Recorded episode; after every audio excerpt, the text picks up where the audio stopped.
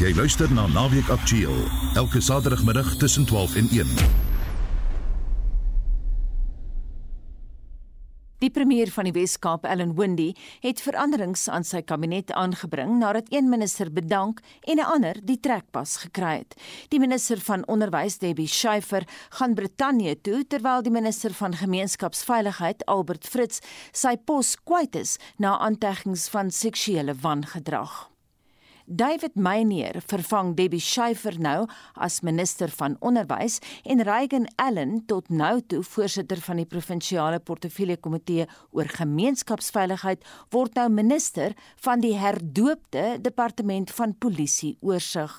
Wendy sê die doel is om dienslewering te verbeter met beskikbare hulpmiddels. We are focused on making sure that this government is agile this government looks at what comes at us, rethinks, tries things. We are moving forward, not doing the same old thing, hoping for different outcomes. We really want to make sure that we are going to make the biggest difference that we can in the two years left of this term. And this team has to lead that change Intussen is die portefeulje vir gemeenskapsveiligheid herdoop tot die departement van polisie oorsig nadat Albert Fritz in Maart maand die trekpas gekry het. Die minister daarin beheer is Reagan Allen wat sy hande sal vol hê gegee die Wes-Kaapse bende geweld en afpersing. I want to make a difference. I want to serve. It was never about position. It was about how can we bring about a change which people can meaningfully see that their lives has changed. Die departement van vervoer is ook herdoop en staan nou bekend as die departement van beweeglikheid. Die persoon daarin beheer is minister Dylan Mitchell. Intussen het die departement van menslike nedersettings ook 'n nuwe naam en staan nou bekend as die departement verantwoordelik vir infrastruktuur. Die word gelei deur Tertius Simmers. 'n Nuwe gesig in premier Wendy se kabinet is die minister van Finansies, Marielle Wenger.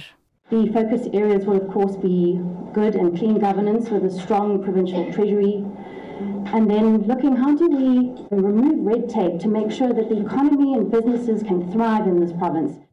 Die leier van die amptelike oppositie in die Wes-Kaap, die ANC se Cameron Dugmore, was soos verwag krities oor heel party van premier Wendy se kabinetskeuses. And then there was a perfect opportunity to appoint a competent so-called coloured woman, Advocate Bartman, who's been in the Finance Committee as the MEC for Finance. Once again, the choice has come to a white woman, Marae Wenger, who's part of the small DA liberal cabal that is controlling the finances of the Western Cape. Wendy sê egter die spesifieke keuses is geskoei op die beginsel van die beste kandidaat vir die werk.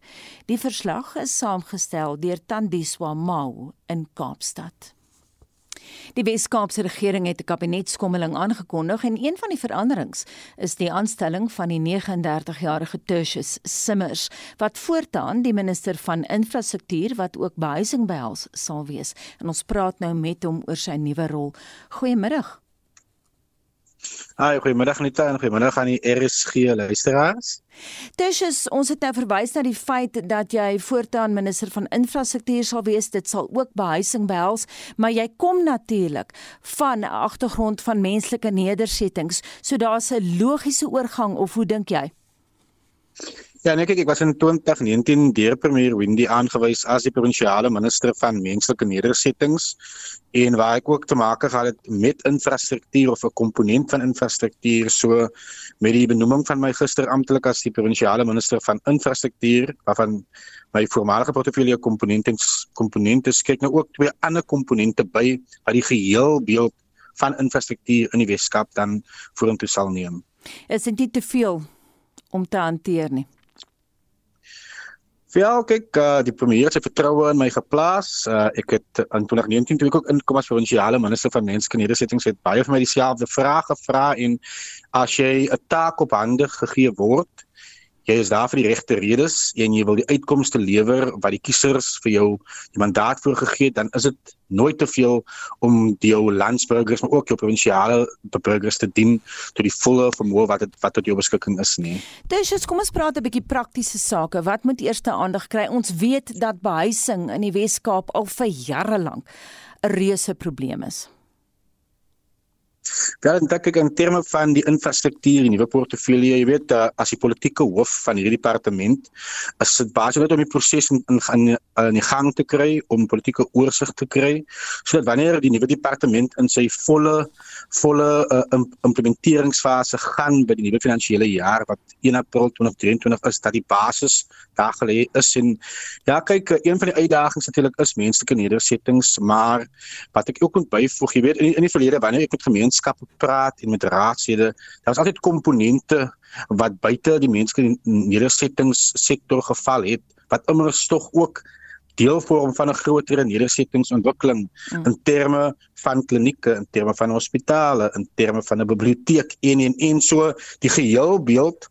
Jy weet word nog geskep deur hierdie infrastruktuur departement, maar ek weet 'n belangrike komponent waaraan ek as menslike nedersettingsminister begin aandag gee in die Weskaap was die opbou van verhoudings met die privaat sektor want ons moet eerlik wees, uh ons moet hulle inkry sodat ons kan verseker dat ons op ons mandaat kan lewer as 'n regering in al drie sfere van regering. Dis is wat moet op die Kaapse vlakte gebeur. Wel van kardinale belang is natuurlik dat jy die kapitale waarde van jou infrastruktuur in die Kaapse vlakte kan ontsluit, maar dat jy dit ook op kreatiewe maniere moet doen want die verskillende segmente van die Kaapse vlakte in die metro area het verskillende behoeftes in terme van infrastruktuur, nie net menslike nedersettings nie en deur 'n gefokusde program te skep wat gaan fokus op weer eens om die waarde van jou bate of jou infrastruktuur te kan ontsluit dat die gemeenskap van die Kaapsvlakte 'n kerndeel daarvan sal vorm. Want as jy saam met die private sektor die waarde van die infrastruktuur ontsluit dan is daar logika volhoubare en uh, uh um werkskepingsgeleenthede wat 'n groot behoefte is veral in die Kaapse vlakte en deur hierdie portefeulje gaan jy al drie hierdie verskillende rolspelers saambring sodat ons nie net werk kan skep nie maar ons ook die menswaardigheid verder kan verbeter van ons inwoners in die Kaapse vlakte soos jy dit nog gestel het. Hmm. Tersius, watter foute van die verlede kan ons nou regstel of kan julle nou regstel?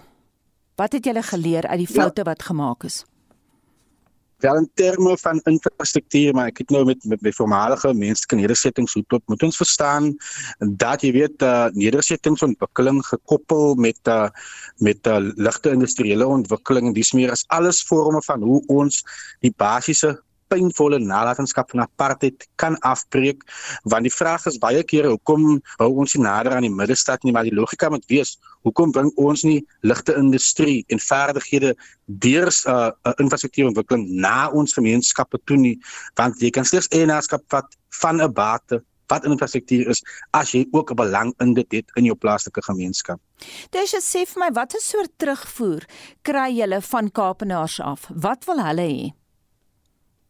Wel in die algemeen daar's drie primêre goed wat van kardinale belang is. Jy weet, gemeenskapsveiligheid veiligheid is 'n groot kwessie in die Kaapse vlakte, veral in die metro area. En ons nie metro areas as 'n landelike veiligheid raak nou ook 'n kommer. Tweedens is natuurlik, jy weet, skepping of uh, van volhoubare werksgeleenthede, maar ook die skepping van vaardighede om daai werksmoontlikhede moontlik te maak. En die derde aspek is natuurlik hoe kan ons waardigheid herstel in ons gemeenskappe deurdat hulle deel van die regeringsprosesse kan wees.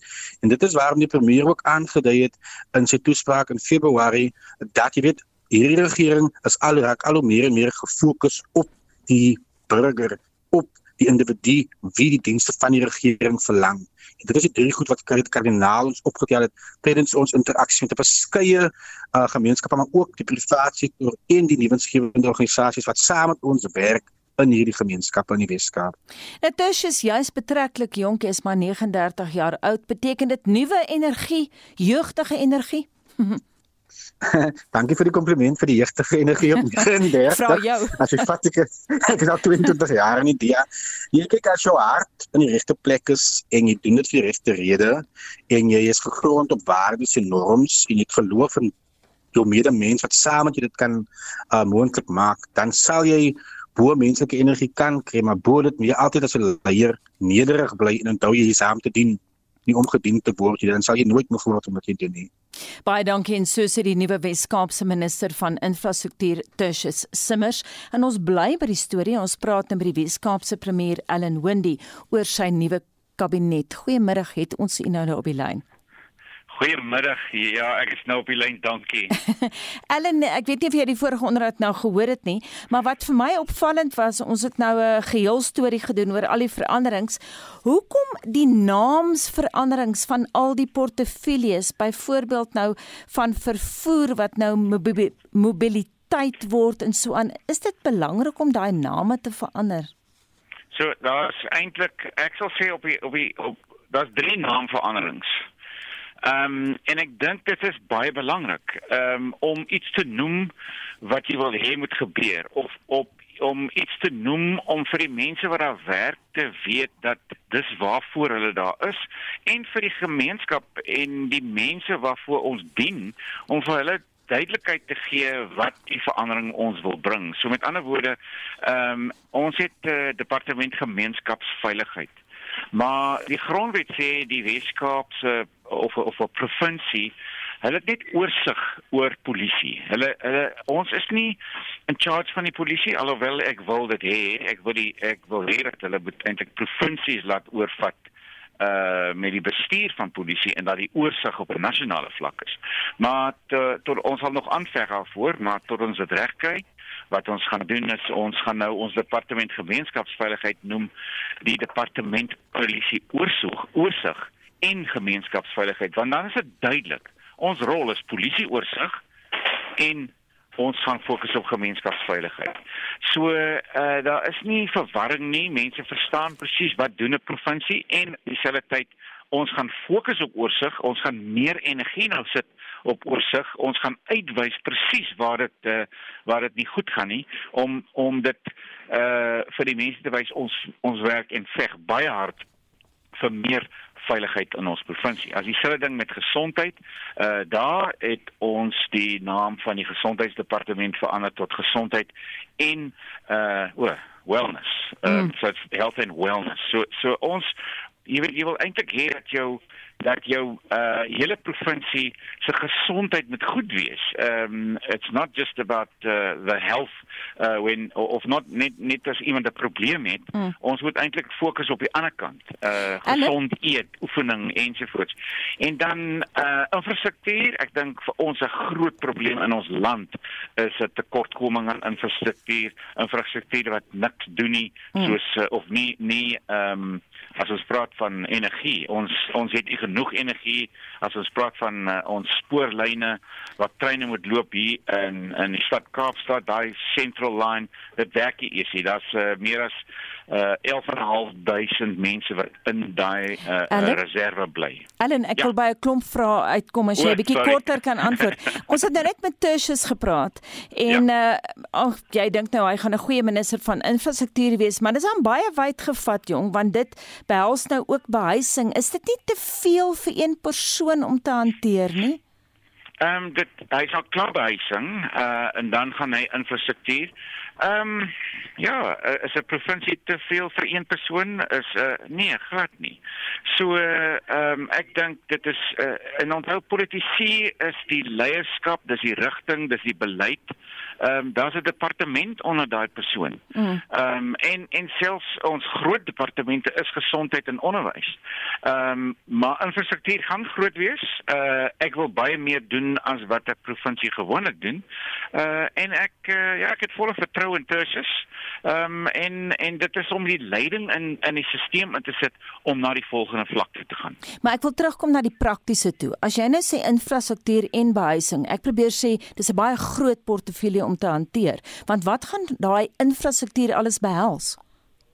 So en dit is nie infrastruktuur en behuising, dis infrastruktuur. Ja, maar dit so, sal nou wat alles behels alle infrastruktuur. So 'n provinsiale grondwet en ons waar ons geld gaan is behuising, dit is paaie, dit is skole en dit is uh, gesondheidsdienste. Uh, so en dit is ons uh, ons eie geboue. Maar infrastruktuur wil ek ook die die uh uitbou van die departement met ook uh spesialiste begin inbrou inbring om te sorg dat damme kraginfrastruktuur. Ons gaan dit nie self bou nie, maar ons moet dit als bymekaar bring in die provinsie. Op 'n plaaslike regeringsvlak het, het ons genoeg beplanning vir ons rioolstelsels. Is waar is baie besig om plat te val. Dit is nie te sê hierdie departement gaan al daai doen nie, mm. maar dit gaan 'n oorsig hê oor die infrastruktuur in die hele provinsie. Niemand doen dit op die huidige oomblik. Dis altyd nee, dis nie ons nie, dis daai punt mense of o nee nee, daai's uh, daai's local government of o nee nee, dis nasionaal. Ek uh, sorry, dan val al die pap op die grond. Daar gaan 'n sente wees en uh, so dit is nie om al daai werk te doen. Jy sal nog steeds daai werk doen binne die departement, maar mm. dit is ook om daai oorsig te hê. Mense bou damme of oomblik mense bou nie damme nie. Ons het mm. ons het 'n hengse droogte gehad 'n paar jaar terug. Ehm um, dan is almal fokus op damme en desalination en mm. Maar nou is die damme vol, niks gebeur nie. So ek kan nie wag vir nasionaal om wakker te word nie. Ons moet nou opstaan, verantwoordelikheid vat en begin druk. En baie dankie. Ons sal nou moet eindig daar. Jy kan verseker wees die media sal dophou wat julle doen. Dit dan die Wes-Kaapse premier Ellen Wendy. Eskom verwag om die naweek nog 9 opwekkingseenhede in diens te stel. Die kragrees sê die lae naweek aanvraag sal help om noodreserwes aan te vul wat beurtkrag verder kan opskort. Fase 4 beurtkrag is die week ingestel nadat eenhede by Majuba en Tutuka ophou werk het. Boonop het die koue weer en aanhoudende reën gelei tot 'n verhoogde aanvraag en onderbrekings in die beplande instandhoudings skedule. En ons bly by krag. Die regering speel nie oop kaarte nie en besef nie hoe dringend dit is om krag van onafhanklike produsente aan te koop nie. So sê professor Anton Eberhard van die Universiteit van Kaapstad se Sakeskool. Boonop glo hy die regering het nie die politieke wil om die energiekrisis te bestuur nie. He has extraordinary powers around generation procurement. And he thinks he's doing his job by implementing an out-of-date IRP that's behind time, and without him actually, during his time in office, not causing a single new publicly procured megawatt to come onto the grid. And what de Ruyter did was, apart from the obvious big things like speeding up the IPP office procurements, he points to a whole lot of areas where government could just speed decision making. Die minister het verwys na die feit dat onafhanklike kragverskaffers meer kan produseer. The IPP office could negotiate lifting the maximum that they could sell back to the grid. He pointed to the fact that the ESCOM board in August last year approved a standard offer scheme for small generators. In other words, ESCOM says here's a fixed price. If you can generate for this price, we'll buy your power. Government has sat on that for six months without approval. So a number of issues like that. Ebrard sê die minister het die tesourier herhaaldelik gevra om Eskom van die wet op openbare finansiële bestuur vry te stel as dit by aankope kom. So could they have huge delays around this in getting permissions and exemptions. So there's a lot more government can do, including regulatory reform, right? So the license exemptions for power projects up to 100 megawatts, that's great. But actually, what they've still got to do is register with Mercer, and it's almost like licensing via the back door. Massively bureaucratic requirements. I mean, Mercer actually wants to examine the power purchase agreements between IPPs selling directly to large customers. It's got nothing to do with them. That's a commercial agreement between a producer and a consumer. Minister Gwede Mantashe en die president het aangekondig dat die tipe opwekking makliker sou wees en 'n lisensie nie meer nodig sou wees vir tot 'n 100 megawatt elektrisiteit toevoer nie. Sou Eberhard dan bedoel dat Mantashe dieselfde vereistes deur die agterdeur probeer toepas? They're not exactly the same, right? So look in principle, the minister and Mercer are no longer the gatekeepers around market access. I mean, that's what a license does. But effectively, through registration now, it's usually a bureaucratic process. And if you haven't got all the bits and pieces of information that NERSA want, they send it back, and it's just delaying effectively the construction of these plants. In my view, the most important thing to happen here is to speed up structural reform. Eberhard beklemtoon dat regulatoriese hervorming wel nodig is. But structural reforms where we take out the transmission and the system operator and the market operator right out of ESCOM so that we have this fair platform for contracting IPPs and importantly getting non-discriminatory access to the grid. That's another big issue at the moment. So uh, new projects, they might not need licenses, they might be struggling around registration, but they're really, really struggling to get access to the grid to evacuate that power and supply consumers. And if we had an independent ITSMO, independent transmission system and market operator, a lot of these issues would begin to be resolved. Professor Emeritus en senior genoot by die Universiteit van Kaapstad, Anton Eberhard. Mitsi van der Merwe, SAK nuus. Gister is Aardedag wêreldwyd gevier en as deel van bewusmaking oor hoe ons die planeet met meer respek kan hanteer, het die maatskappy Ipsos vanuit Kanada 'n aanlyn peiling geloods om te bepaal hoe mense hulle leefstyl begin aanpas. Ons het vroeër vanoggend met die direkteur by Ipsos in Johannesburg, Marie Harris, hieroor gepraat. Dit was 'n aanlyn peiling wat gedoen is uit ons kantoor in Kanada en 23577 mense het die vraelys beantwoord. Hulle was almal volwassenes en dit het oor 30 lande gestrek. Van omtrent die middel van Februarie tot die begin van Maart gedoen. Ons het natuurlik oor Aardedag gepraat en die resultate is geweeg want jy weet natuurlik daar is nie dieselfde aantal mense in elke land nie so mm. mens met die data weer. En wat is die hoofbevindinge?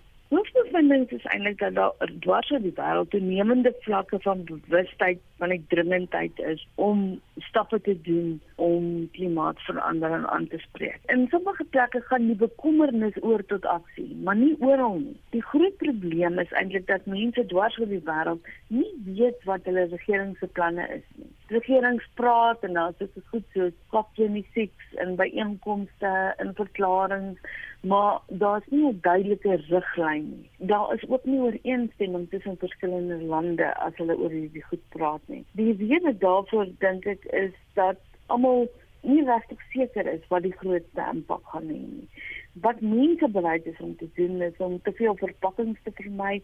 Hulle is nie so genee altyd om hulle die eet te verander en mm -hmm. hulle te vlieg en sulke dinge te doen nie. Hulle het ook nie regtig 'n begrip van wat die meeste die grootste impak kan hê. Daar's regtig 'n groot probleem aan 'n uh, wêreldwye sininrigting in 'n plan. Watter land werk die beste saam?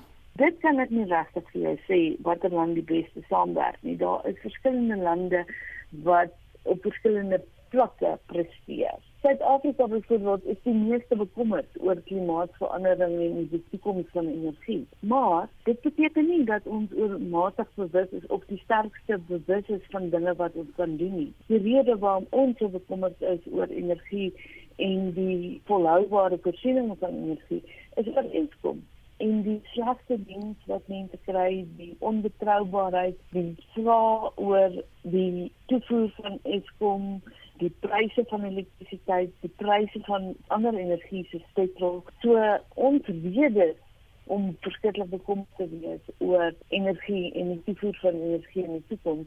Dit is nie noodwendig 'n groot bewustheid of 'n groot bekommernis oor die aarde nie. Dit is eerder 'n groot bekommernis omdat ons nie weet regtig wat gaan gebeur met Eskom. Jy het nou gesê mense is bereid om sekere aanpassings te maak alhoewel hulle nie maklik hulle dieete verander nie, maar hoe volhoubaar is die aanpassings wat mense nou maak? Hulle is heeltemal bereid om minder verpakking, weet of ehm uh, produkte te koop wat omgewingsvriendelike verpakking het, want dit is iets wat mense voel hulle kan doen.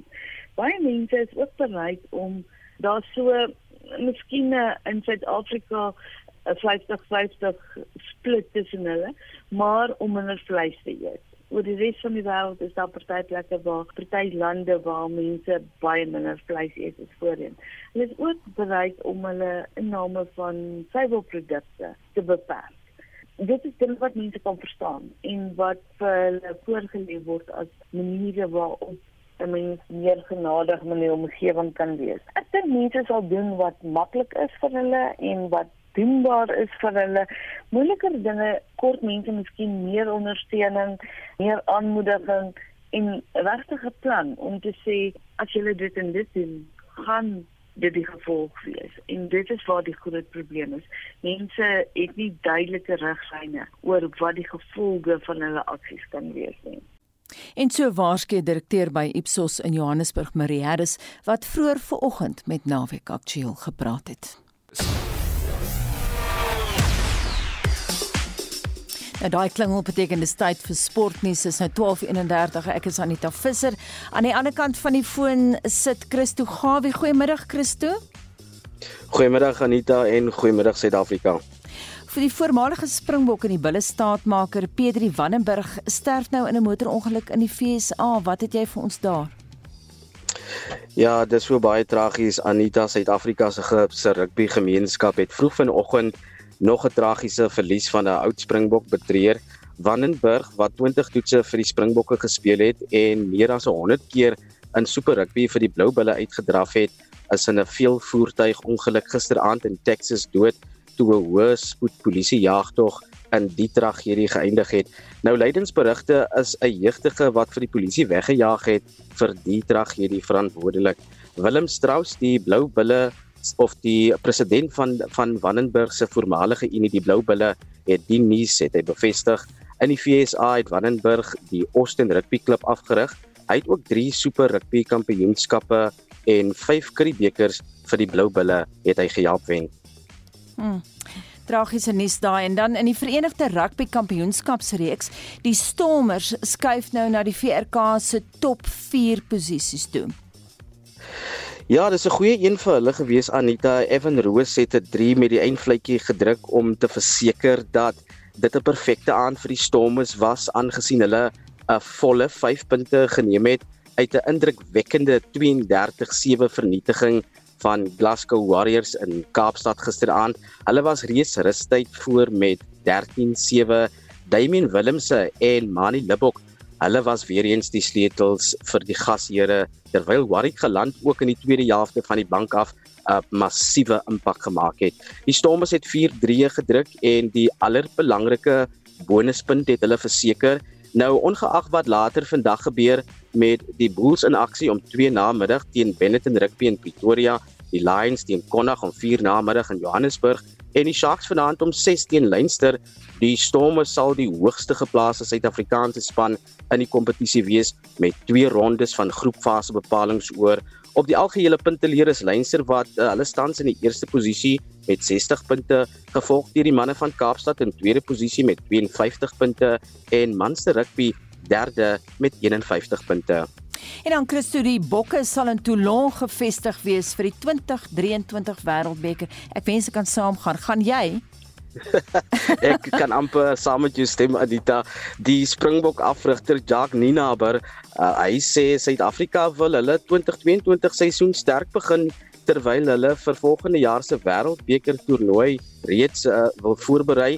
Die Springbokke het Toulon as hulle basis vir die groepfases van die Wêreldbeker rugby toernooi in 2023 in Frankryk het hulle gekies. Suid-Afrika sal ook vir 'n week in Parys sal hulle gebaseer wees wat die derde groepwedstryd teen Ierland ook insluit dit volg alles na deeglike inspeksie van opsies deur Ninaber en die span se operasionele hoof Charles Wessels en hulle het besluit om die stad langs die Mediterrane kus as hulle voorkeurbasis vir die internasionale geleentheid te kies.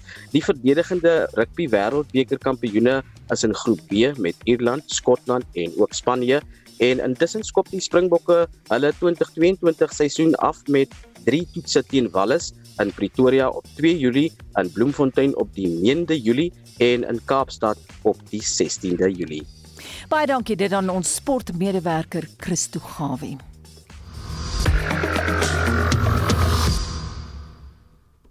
Die beroerte van die bekende 43-jarige Suid-Afrikaanse sangeres Lira tydens 'n opvoering in Duitsland het die aandag gefokus op 'n toestand wat tussen 140 en 150 000 mense jaarliks in Suid-Afrika raak. Een van hulle, die 67-jarige Anna de Bruin van Saldanha, dis nou langs die Kaapse Weskus, wat in Junie 2020 onkant gevang is toe sy beroerte gekry het, het haar verhaal van aanvanklike angs en die uiteindelike aanvaarding daarvan met Naweek Aktueel gedeel. Ek was baie geskok want ek het nie verwag so iets sou met my gebeur nie. Elke mens dink jy sommer so 'n ding gaan met 'n mens gebeur nie. Maar jy moet daardeur gaan want dit was nou seker jou beurt om dit te kry. Ek het moes daardeur gaan met my man se hulp. Ek was baie ondersteunend vir my so het ek man aangegaan en aangegaan tot die dokter wat my in die hospitaal opgeneem het vir babbe. Ek het baie gehuil en gekerm en die dokter het toe later aan vir my getroos en gesê maar hulle sal vir my niks kan doen as ek so te kere gaan nie. En ek het maar aangegaan en aangehou tot ek by fisio gekom het. Dit nou by fisio kom moet ek die hospitaal verlaat. Dit is nog nou klaar, die behandeling en goed is uitgewerk. Toe het ons nou die behandeling nie gestaak nie, net aangegaan met die behandeling. En later aan die fisio ook bygekom. Maar dit was 'n proses vir my want ek het nog nooit my lewe geweet so moeilik om deur 'n stroop te gaan nie. Hoe het dit jou geaffekteer fisies? Wat het gebeur? Ek het my linkerarm se gebruik verloor en my linkerbeen se gebruik het ek ook verloor. Maar verder was daar nie ander komplikasies nie. So jou gesig was normaal. Hy het nie eenkant toe getrek nie. Glad nie, glad nie. Maar op 'n aangeleentheid het iemand anders vir my gesê dit lyk asof jy strook hier skei skeer maar. Was jy baie kwaad daaroor? Jy sê jy was al verbaas dat jy skielik net beroerte kry in jou slaap. Ja, want die oggend toe ons wakker word, is dit dit nou laat ek anders te voel, anders te loop en anders te dinge doen. Toe besef jy like daar's groot fout. Daar's groot fout ja.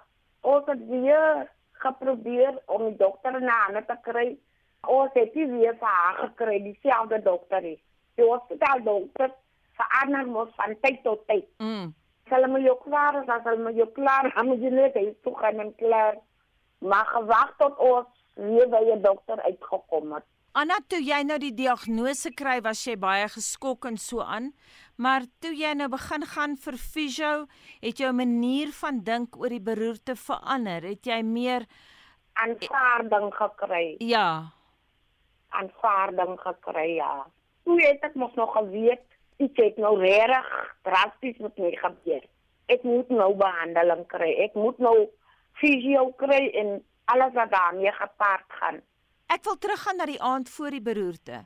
Was alles normaal? Uh, was dit net 'n normale aand? Jy het gaan slaap, daar was geen probleme nie. Jy het nie hoofpyn gehad of enige teken dat daar fout sou wees nie. Ek het glad die teken gehad van so iets wat van my met my gebeur het. Ek het net gaan slaap en normaal weg. Toe hier in die middel van die nag wakker geword met 'n brandende gesig. My gesig was aan die een kant soos 'n vlam. My man het toe wakker geword en vir my my vloer gekry want ek soek 'n koelte van die brandende gesig. En so het ons toe nou na die hospitaal toe gegaan en daar hulp gekry. Anna, het die beroerte jou lewe verander in die sin dat jy dalk 'n bietjie meer gespanne is dat jy wag vir 'n tweede beroerte? Nee, ek wag nie vir 'n tweede beroerte nie, want ek wil nou nooit weer hê nie. Ek is baie positief nou. Ek is op pad na genesing toe. Ek kan nie weer 'n beroerte by my kom nie. Anna, het jy jou leefwyse aangepas nou dat jy fisio ook doen? Het jy miskien begin anders eet, jou leefwyse verander? Ja, ek het heeltemal my leefwyse verander. Ek het reg groente begin eet en my die eet verander. Baie dinge ek gewille van dit verander. Anna sê vir my wat jou lopery aanbetref. Loop jy gemaklik nou en jou linkerarm, kan jy jou linkerarm gemaklik gebruik? Ek gebruik dit nog nie regtig gemaklik nie. Ek moet nog 'n bietjie fisio kry, maar in die loop van die tyd moet ek doen om by die fisio uit te kom. En dit dan die 67-jarige Anna de Bruin wat vanuit Saldanha in die Wes-Kaap met ons gepraat het. Ons bly by beroerte, beroertes liewer. Dr. Stacy Rousseau is 'n neuroloog wat spesialiseer in die behandeling daarvan en sy het vanuit Kebega in die Oos-Kaap aan ons verduidelik wat 'n beroerte is. Daar is hoofsaaklik twee goed wat gebeur in die brein en die hoofoorsake van die strook is eerstens either die bloedvat lek en bars en dan is daar bloeding op die brein of dan die meer algemeenste oorsaak is waar die bloedvat actually geblok word. Die brein kry dan nie die nutriënte en suurstof wat dit moet kry nie. En hoekom word dit geblok? Die grootste oorsake, die rede hoekom hy geblok word, is baie keer deur verkalking van die are en dit word veroorsaak deur die mees algemeenste risikofaktore, hoofsaaklik hipertensie, hoë bloeddruk, eh, diabetes mellitus, obesiteit, hoë cholesterol en dan ook rook en verhoogde alkoholinname. En dit dan veroorsaak verkalking van die are wat dan lei tot die are wat stol. Is beroertes geneties? Ja, genetiese faktore kan lei dat jy 'n verhoogde risiko het tot stroke, veral as haar familiegeskiedenis is van stroke. Ja. Kry vroue dit meer as mans? As ons kyk wêreldwyd na die statistiek, dan lyk dit wel as ook ons statistiek in Suid-Afrika. Dan lyk dit wel asof daar 'n tendens is dat strokes bietjie meer algemeen is onder vroumense. As ons kyk na sy eie statistiek, dan onder vroumense stroke is die tweede algemeenste oorsaak van dood, 'n uh, vroeë dood as ook disability. So dit lyk wel asof daar tendens is om meer algemeen te wees onder vrouens. Wie dokters hoekom? Kyk ek dink ons grootste ons dink nog steeds weer die groot redes vir dit is maar as gevolg van die insidensie van die modifiable um, risikofaktore. Ons sien dat onder ons bevolking veral hipertensie wat die mees algemeenste risikofaktor is. Ons sien wel dat dit hoër voorkom of die insidensie is hoër onder vrouens. Whether ras ook 'n rol speel, ons is nie 100% seker nie. Dit is 'n groot area van navorsing op die oomblik, maar ons dink wel wel tog dat dit te doen met risikofaktore. Ook as ons kyk na obesiteit, meer algemeen onder vroue en ons dink dis hoekom ons dalk meer strook sien onder vroumense. Hoeveel Suid-Afrikaners per jaar kry beroerte? Nou as ons om en by kyk na ons statistiek dan definitief so hier om in 130 140 000 kry jaarliks 'n stroke in Suid-Afrika. Ons is tans die Suid-Afrikaanse Stroke Society tans besig om 'n database op die been te bring sodat ons meer akkurate statistiek kan kry. Dokter sê vir my, is daar waarskuwingstekens of kry jy beroerte uit die bloute? Kyk die meer mees algemeenste simptome en dit is hoekom dit so belangrik is dat ons luisteraars moet weet. Daar's 'n akroniem wat ons gebruik FAST. F A S T. En die mees algemeenste simptome, F staan vir face, so asimetrie van die gesig arm, so as jy vir die pasiënt vra om sy arms op te lig, dan sal jy sien aan die een kant sal die arm so af uh will be drooping. As ons kyk na die S staan vir spraak, pasiënte presenteer gewoonlik met so 'n slurred speech, you know, spraak wat onduidelik is en ek dink die mees belangrikste ding, die T staan vir tyd. En hoekom dit so belangrik is, is dat wanneer jy stroke simptome kry, moet jy so gou as moontlik na jou naaste stroke ready hospitaal gaan as die pasiënt binne 4 en 'n half ure by die hospitaal kan opdaag, dan kan ons en ons gaan deur die protokol en die pasiënt kwalifiseer, kan die pasiënt dan wat ons sal noem 'n clot busting medikasie kry wat die pasiënt se lewe kan red en disability kan verminder. Wanneer kwalifiseer 'n pasiënt vir so iets en wanneer nie? Die twee groot redes is een is tyd so binne 4 en 'n half ure En dan die tweede ding is obviously as die pasiënte wat ons noem 'n ischemiese stroke gehad het. So dit is wanneer die jy die breinbesering opdoen nadat 'n bloedvat gestol het. As die pasiënt obviously 'n bloeding op die brein het, kwalifiseer die pasiënt nie. Ons het so 'n checklist wat ons doen uh, en as 'n hele paar goedjies wat na ons kyk, sou die pasiënt binne die tydraamwerk opdaag. Dit is 'n ischemiese strook en hulle voldoen as ons kyk na die checklist en daar's geen ander waarskuwings op die checklist nie, behoort die pasiënt dan te kwalifiseer vir die clot-busting medikasie en word dan vir die pasiënt aangebied. Dokter het nou baie mooi aan ons verduidelik wat die simptome van 'n beroerte is, maar ek vra oor waarskuwingstekens voordat jy daai beroerte kry sou daar ander tekens wees wat jou waarsku hoofpynne of iets wat jy mm. weet dis nie normaal nie of kry jy ja. dit uit die bloute jy kry hom uit die bloute uit die grootste waarskuwing is om seker te maak dat jy eerstens jou risikofaktore prevent, maar dit ook jy jou risikofaktore onder beheer kry. Maar jy het reg Anita, daar is soms tekens soos kopseer. Ons kry ook iets wat ons noem 'n TIA, dit word genoem 'n transient ischemic attack en dit is amper soos 'n waarskuwingsstrook. So waar daar transient armswakheid, beenswakheid, gesigswakheid of slurred speeches wat vir kort periode aanhou. Dit baie keer is ook 'n waarskuwing, is amper soos 'n waarskuwingsstrook. Maar goed, soos kopseer, duiseligheid, soms keer bietjie blurry vision wat saam met ongekontroleerde risikofaktore gaan is die waarskuwing vir 'n strook wat dalk moontlik op pad is. Hoekom is alkohol 'n faktor? Kyk, wat alkohol doen is alkohol affekteer die bloedvat. So die kan die bloedvat either meer lekbaar maak of dit kan ook bydra tot die verkalking van die are. Dieselfde met rook. So daai twee risikofaktore independently onafhanklik kan ook lei tot die verkalking van are, maar ook oor die algemeen dit verlaag jou immuniteit, dit obviously affekteer jou hele liggaam, maar dit is ook 'n independent risk factor vir strokes. Wat is die kanse vir 'n tweede beroerte as jy alreeds een gehad het? As ons kyk na statistiek, dan tot 'n derde van pasiënte kan moontlik 'n tweede strook kry.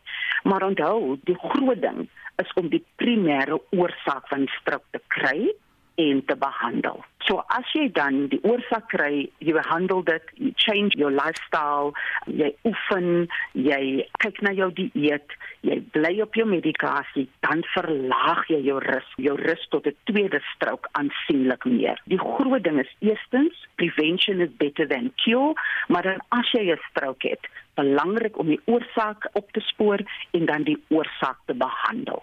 Het die behandeling van beroertes oor die afgelope 10 jaar baie verander, baie verbeter? Yes, absoluut. Ek dink 10 jaar terug het ons nie die clot busting agent beskikbaar gehad en nou het ons. So definitief daar's definitief meer wat ons nou kan doen. So aan die een kant kom by die hospitaal so gou as wat jy kan sou jy kwalifiseer. Die clotting busting agent word dan aangebied maar dan so ook daar's ook heelwat bevordering gedoen onder rehabilitasie ook ten opsigte van stroke eenhede in die land. Ons het omtrent so 195 uh, stroke ready hospitale oor die hele land meer in die private sektor as in die publieke sektor. Maar definitief multidissiplinêre spanne wat saamwerk om 'n meer holistiese rehabilitasieprogram vir die pasiënt aan te bied en dan ook sekondêre voorkoming. En daar's heel wat bevordering wat gedoen was ook in daai veld met 'n strookbehandeling. Die grootste een is die beskikbaarheid van die clotting the clot busting agent mm -hmm. wat sou die pasiënt kwalifiseer daarvoor dit is nou beskikbaar vir ons pasiënte in Suid-Afrika. Dit is 'n groot advancement in the stroke management. Gestel jy het 'n geskiedenis van beroertes in jou familie, sou jy medikasie profylakties kon gebruik om dit te verhoed? Dit hang af van die oorsaak. So byvoorbeeld, as ons kyk na ehm um, as jy 'n onreëlmatige hartklop het, kom ons gebruik dit as 'n voorbeeld wat moontlik kan embolie na die brein toe stuur, dan ja, dan sit ons die pasiënt op profylaktiese behandeling. Other than that, gee ons gewoonlik vir die pasiënt alwe aspirien en ons gee ook vir hulle medikasie om hulle cholesterol laag te hou. Maar depending on the cause of the stroke, whether genetic of enige ander familiale oorsaak van stroke, kan daar spesifieke behandeling aangebied word spesifiek tot die oorsaak van die strook definitief. En so sê die neuroloog Dr. Stacy Rousseau.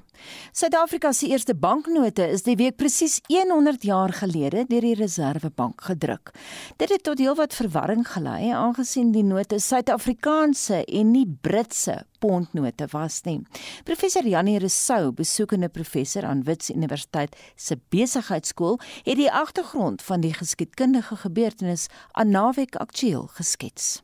Die Reservebank is in 1921 gestig met die doel om orde te bring in die uitreiking van banknote wat voorheen deur handelsbanke in Suid-Afrika uitgereik is.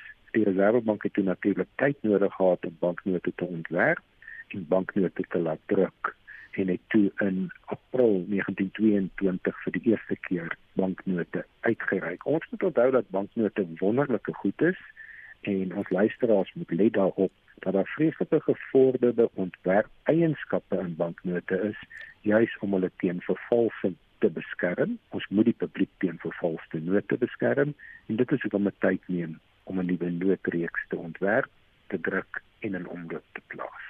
Ons het met ponde gewerk. Daar is groot verwarring dat mense dink ons het die Britse pond uitgereik. Dit was die Suid-Afrikaanse pond. Dit was 'n onafhanklike geldeenheid wat gemodelleer was op die Britse pond. Jan van Riebeeck het op die noot voorgekom en daar was ook nog 'n betaalbelofte op die noot. Ek beloof te betaal aan die toonder te Pretoria vir die Reservebank 1 pond in die geval van 'n pondnoot met die handtekening van die president van die bank. Die noot was dan natuurlik in Nederlands en in Engels, want Afrikaans het eers in 1925 amptelike taalstatus in Suid-Afrika gekry. En so sê professor Janie Rousseau, hy is besoekende professor aan Wits Universiteit se besigheidskool. In Wesel Pretoria se weeklikse motorrubriek kom 'n Hyundai teen 'n Fiat te staan.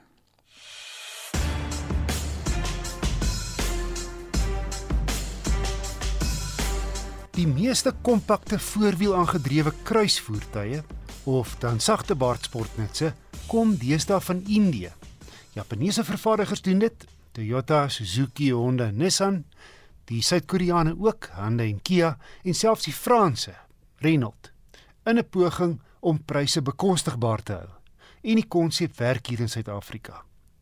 Die voertuie van Indië is egter nie altyd so gesofistikeerd nie en veiligheidskenmerke word dikwels afgeskeep. Dan kry kompakte kruisvoertuie wat primêr vir die meer welgestelde Europese mark ontwerp word, soos 'n Suid-Koreaan en Italianer wat ek onlangs gery het. Albei net oor die 4,2 meter lank en bo die redelike hoë 460 000 rand kerf. Hoe weeg die Hyundai Kona 2 liter Executive op teen die Fiat 500X Connect? Die Kona het dun dagryligte heel bo met die hoofligte laer af teen in die buffer en ook agterlangs twee rye ligte. Hy het 'n sportiewe lyf en met toetskare helder blou, Hyundai noem dit surfy blue.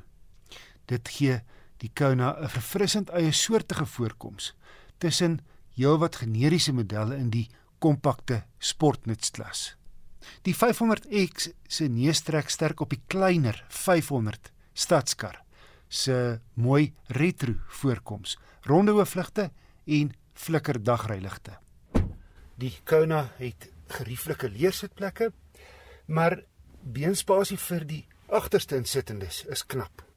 En ek is 'n langerige ou pas nie agter myself in met die voorste sitplek uh, geskuif vir 'n gemaklike sitposisie nie.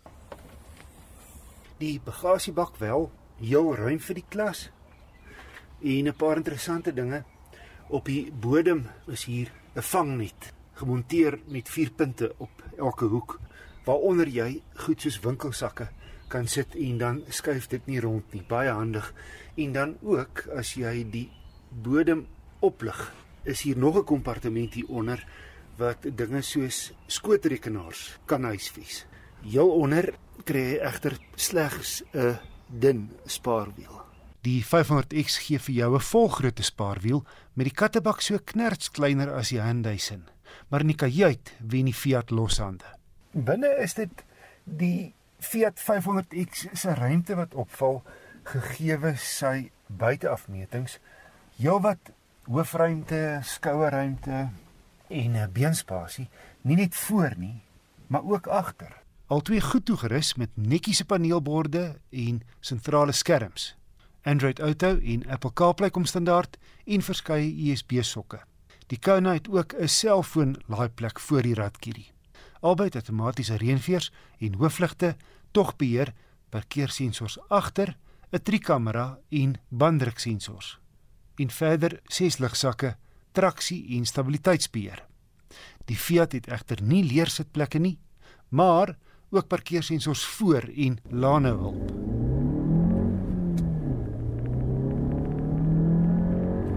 Beide se 0 na 100 syfer is onder 10 sekondes, maar die Fiat 500X se 103 kW 1.4 turbo gekoppel aan 'n 6-spoed handrat trek sterker as die Hyundai Kona se 110 kW turbolose 2 liter. Die rede danksy sy turbo gee die Fiat 230 Nm wrinkrag vanaf lae toere.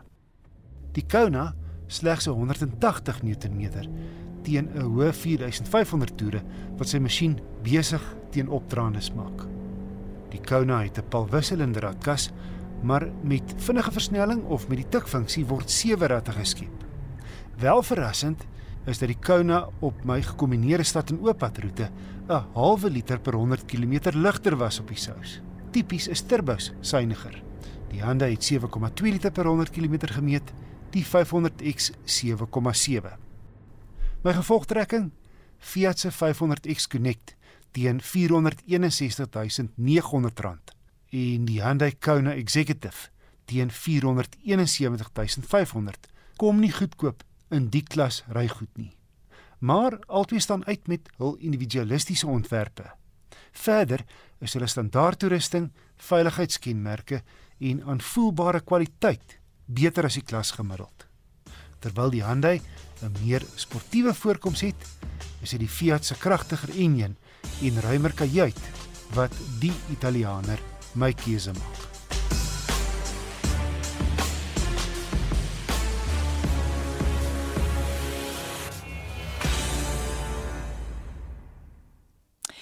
Tyd vir ons weeklikse fliekrubriek met Leon van der Roop.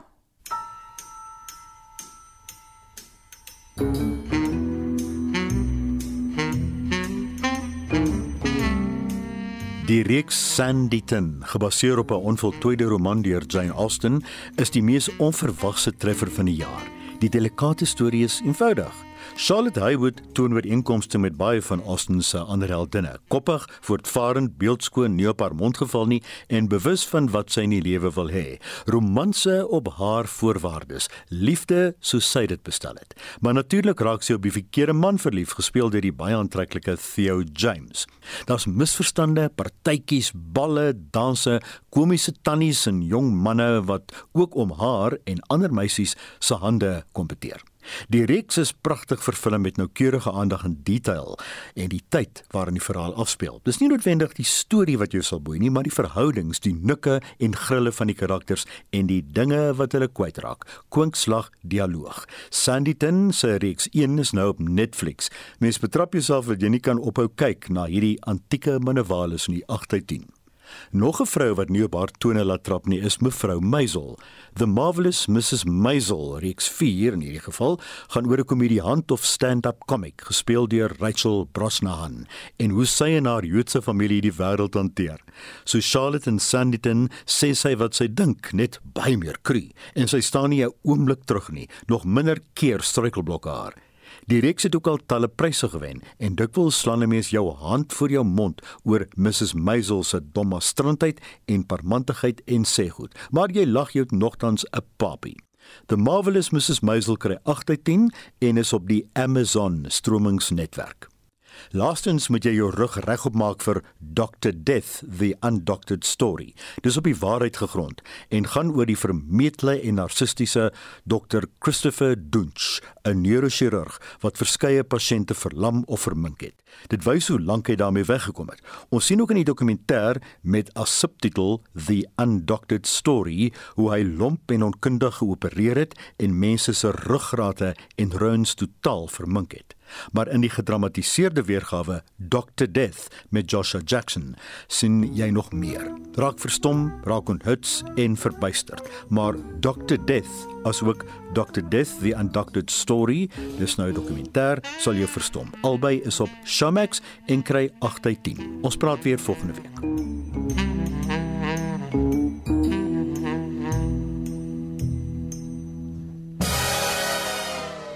En op daardie noot groet die naweek aktueel span tot volgende Saterdag.